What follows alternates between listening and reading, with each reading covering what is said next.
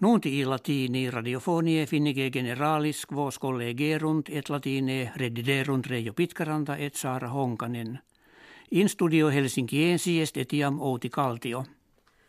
Novo anno in eunte presidatus unionis europee ad Bulgariam transiit.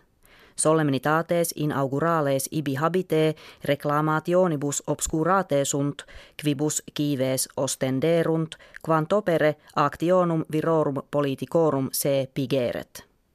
Etiam moderatores unionis solliciti sunt de criminalitate ordinata, qua Bulgaria vexatur, nec non paupertate ad modum gravii, qua illa kivitas laborat.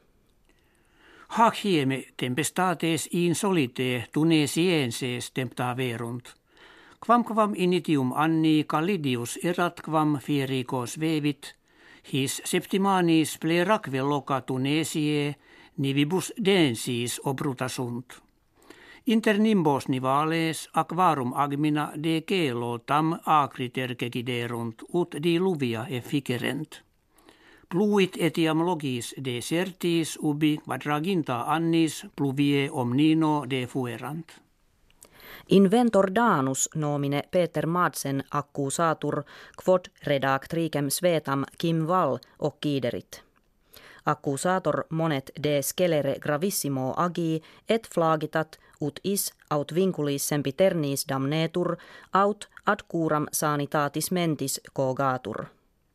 Mense Augusto val ad navem sub abcavaneam i spectandam profecta est, et postea partes corporis eius in marii invente sunt. Helsinki caput Finlandie respectu multitudinis viatorum emporium Europe et totius orbis terrarum frequentissimum evasit – Anno enim proximo per portus eius amplius duodecim miliones hominum transierunt. Causa principalis eius reividetur esse quod magna pars itinerantium per Helsinkium viam in urbem Tallinnam facit. Die Dominico ducenti anni acti erant cum Zacharias Topelius unus e viris in historia Finlandie maximis natus est – is non solum scriptor subtilissimus variarum rerum historicarum erat, sed etiam diurnarius prestantissimus. Libris et scriptis editis effecit, ut in animis kivium sensus patriae nasceretur, et illi intellegerent, quam amena esset terra Finlandia. Ailu ropoda melanoleuca est appellatio scientifica animalis urso similis – quod nomine pande notum est. Die jovis meridie e sinis duo pande Helsinkium advecti sunt, ut inter presidente Sauli Niinistö et Xi Jinping anno ante convenerat.